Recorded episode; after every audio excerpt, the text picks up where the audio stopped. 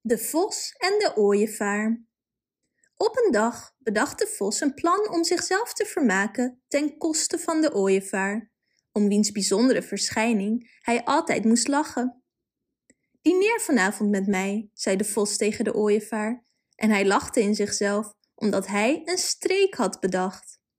De ooievaar was blij met de uitnodiging en accepteerde hem. Hij arriveerde bij tijds en had behoorlijk trek. Vos serveerde soep voor het diner, maar deed dat in een ondiep bord. Zo kon de ooievaar er niet bij en kon hij alleen het topje van zijn snavel een beetje nat maken. Nog geen druppel soep kreeg de ooievaar daadwerkelijk binnen. De vos daarentegen slobberde de soep zo op en tot teleurstelling van de ooievaar liet hij duidelijk merken hoe lekker het eten was. De hongerige ooievaar vond de streek van de vos helemaal niet leuk, maar bleef kalm. Hij zag er het nut niet van in om in woede te ontsteken. In plaats daarvan nodigde hij na het diner de vos uit om de dag erna bij hem te komen eten.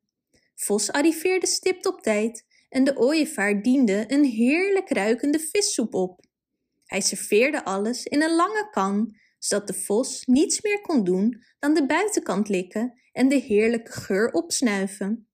En toen de vos hier woedend om werd, zei de ooievaar kalm: Je moet anderen niet in de maling nemen als je zelf niet tegen een stootje kunt. Bedankt voor het luisteren. Wist je dat je dit verhaal ook op onze website ririro.com/nl kunt lezen, downloaden en printen?